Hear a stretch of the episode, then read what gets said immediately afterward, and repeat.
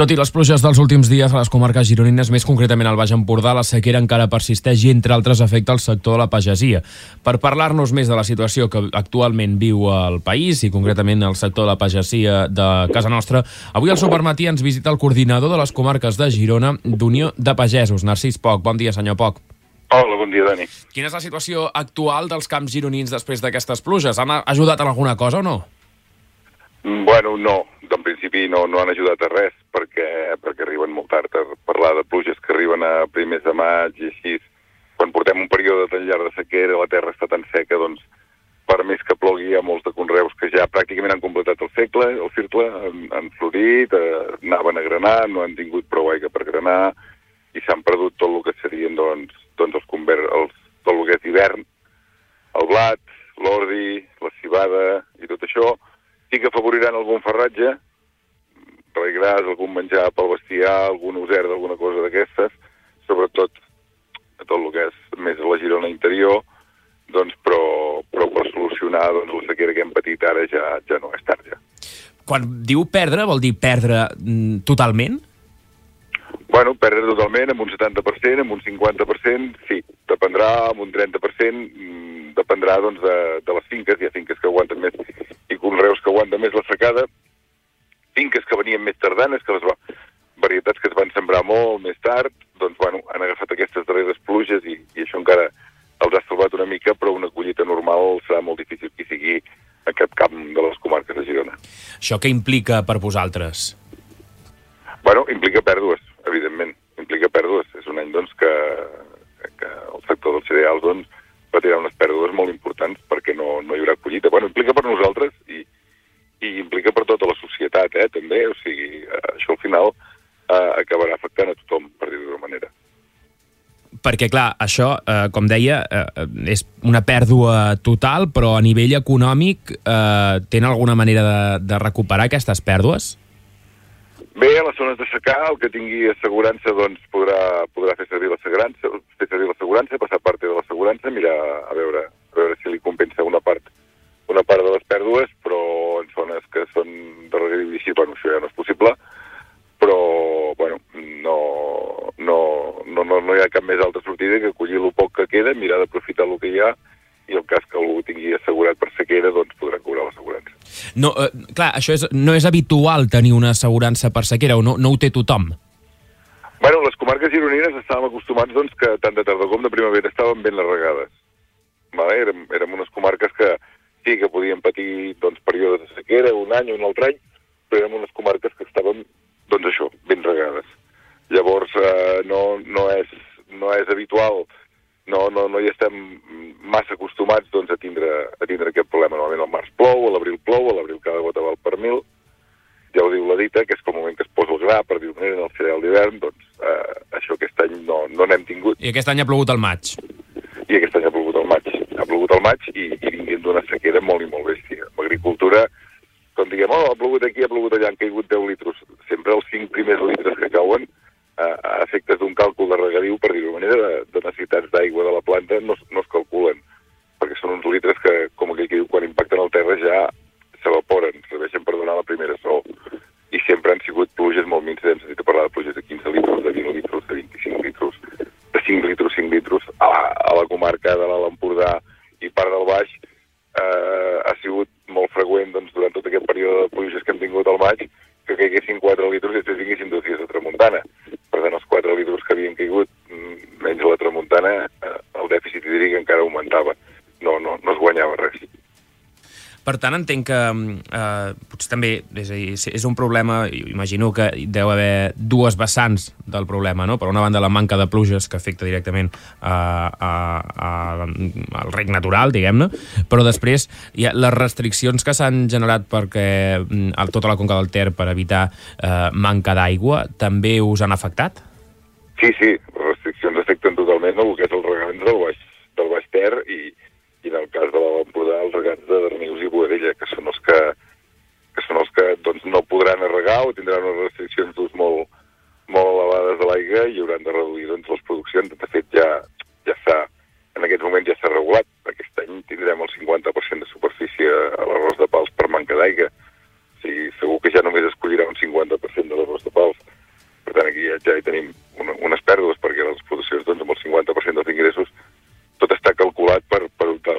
dimensions amb els ingressos que tens i, i els costos que tens.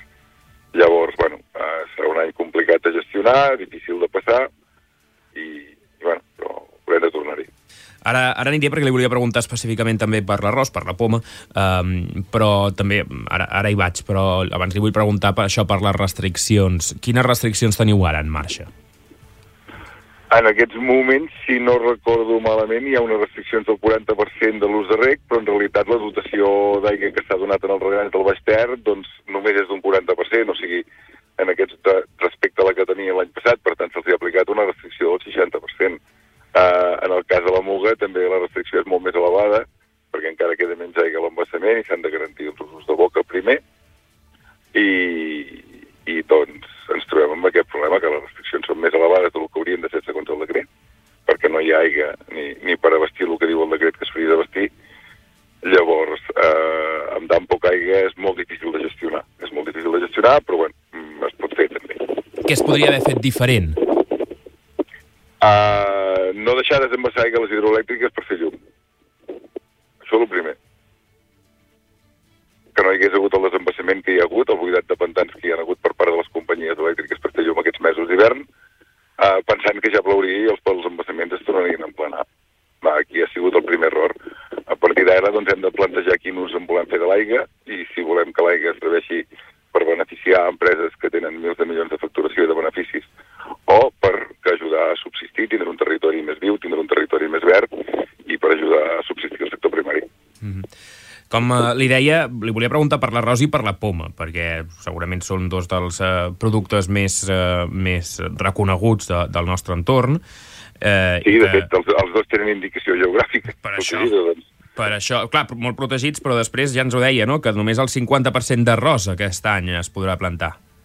Exacte, sí, sí, sí. sí. Uh, bueno, ens trobem amb aquesta circumstància, que en el cas de l'arròs doncs, hi haurà una dotació que, que arribarà, doncs, això, per ser el 50% de les hectàrees que, que es fan normalment. A les comarques de Girona es fan unes 1.100 hectàrees d'arròs a l'any, o sigui que aquest any hi haurà unes 500 i pico hectàrees. Per tant, hi haurà menys arròs mm, pels, pels que ens agrada menjar arròs de pals i que som que ens agrada fer territori i consumir productes del nostre país, doncs hi haurà menys disponibilitat d'arròs. I, I això, pel que bueno, fa al, a la poma? Pel que fa a la poma, mm, bueno, podrà, podrem tenir unes, podran tindre unes produccions eh, acceptablement normals, val? no, no és la situació que es dona a les comarques de Lleida i així. Amb la dotació d'aigua que tenim es pot fer una collita normaleta de pomes, eh, garantir que que l'arbre visqui i tirar-la endavant. La veritat és que el sector de la poma és un dels sectors que ha fet un bastant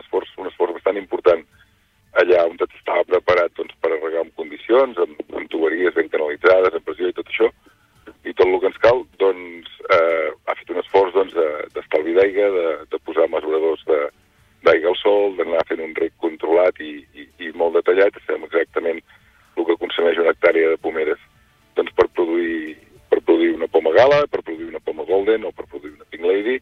Per tant, això està ben calculat i eh, esperem, esperem, si no, si no hi ha cap entrebanc ni hi ha cap problema i el mes d'agost no ens diuen el contrari, doncs que es podrà arribar a una collita normal a cap.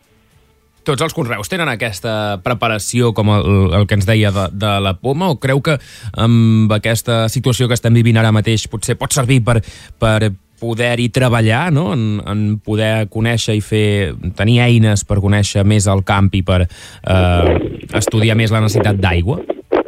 Les eines hi són, les eines hi són, els sabem i els tenim, per dir-ho d'una manera. El que passa que moltes vegades implementar això doncs, té un cost econòmic molt elevat cada estació d'aquestes doncs, té, té un cost econòmic que em penso que ronda entre els 3.000 i els 10.000 euros, o sigui, pot ser molt car o, o, o més barat, però clar, és un esforç per a les explotacions que ja van, bueno, econòmicament doncs, van prou ajustades com, com per tirar coets d'aquesta manera, en principi. Uh, bueno, en primer lloc caldrà fer un esforç molt important uh, a lo que és a la xarxa de distribució en alta. O sigui, necessitem unes canalitzacions avui en dia, no pot ser que, que estiguem regant amb canals oberts, que l'aigua s'evapori pel camí, hem d'anar amb tuberies, hem d'anar amb, pressió dintre les tuberies, hem de tindre, després, quan arribem al camp, hem de tindre sistemes d'estalvi d'aigua i d'eficiència de rec, per tant, hi ha de ser-hi tot, hi ha d'haver-hi sistemes de regadiu amb aspersió, goteig, s'han d'implementar mesures d'estalvi, tant a nivell de camp com a nivell de xarxa, i llavors podrem aprofitar fins a l'últim litro eh, amb una garantia doncs, d'assegurar collites, de tindre unes produccions normals i bones i bueno, poder garantir doncs, la viabilitat de l'explotació a través de, de, de poder assegurar les collites. Perquè si el canvi climàtic doncs, ens segueix trepitjant i apretant de la manera que ens està apretant, eh, garantir una collita doncs, serà una cosa molt important, no només pel, pel, pel pagès, per l'empresari, sinó, sinó també pel país. Uh, vosaltres des d'Unió de Pagesos heu fet uh, reivindicacions a tot el país. Uh, aquí a les comarques de Girona, quines accions uh, de protesta us plantegeu? En principi, pel tema de la sequera, de moment sembla que ningú ha plantejat cap, cap, reivindic, cap protesta ni cap reivindicació, a no ser que es torceixi i la Generalitat es desdigui del que ens havia dit que llavors sí que ens plantejarem mobilitzacions i ens plantejarem mobilitzacions realment serioses. Quan dius, Però, quan dius eh, que la Generalitat es desdigui, et refereixes a la quantitat d'aigua assignada? Sí, o la... els, hectòmetres, els hectòmetres assignats als regants per poder, per poder tirar endavant. Uh, en tot cas, us sentiu escoltats per la Generalitat? Uh, escoltats sí, però probablement doncs, uh, ens sentim una mica castigats en l'aspecte de que som qui, qui fa l'esforç més gran d'estalvi d'aigua. O sigui, els regants del Ter haurien de tindre una dotació de 44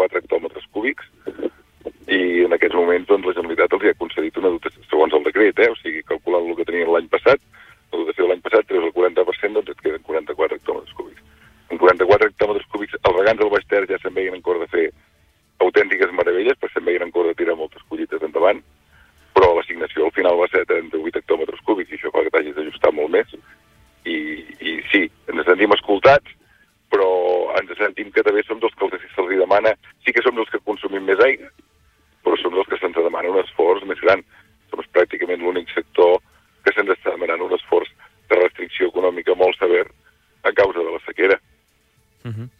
Teniu la sensació que l'aigua del Ter encara eh, es produeix això de, que se'n va a altres usos que no són a les comarques de Girona?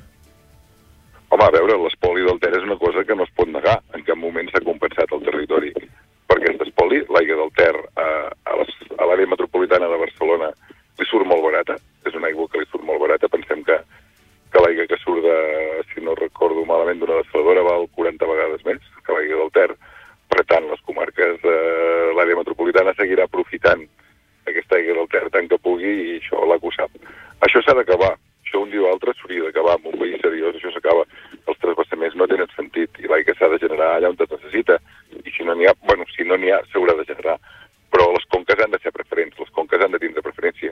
El que no podem fer és matar un territori per alimentar una àrea. Per tant, eh, l'àrea metropolitana, doncs, si necessita dues desaladores més, doncs es fan dues desaladores més i que ells s'autobasteixin amb aigua desalada, que recirculin l'aigua, que la reciclin i que retornin d'una manera o altra doncs, tot l'espoli que se li ha fet en el Ter durant aquests anys.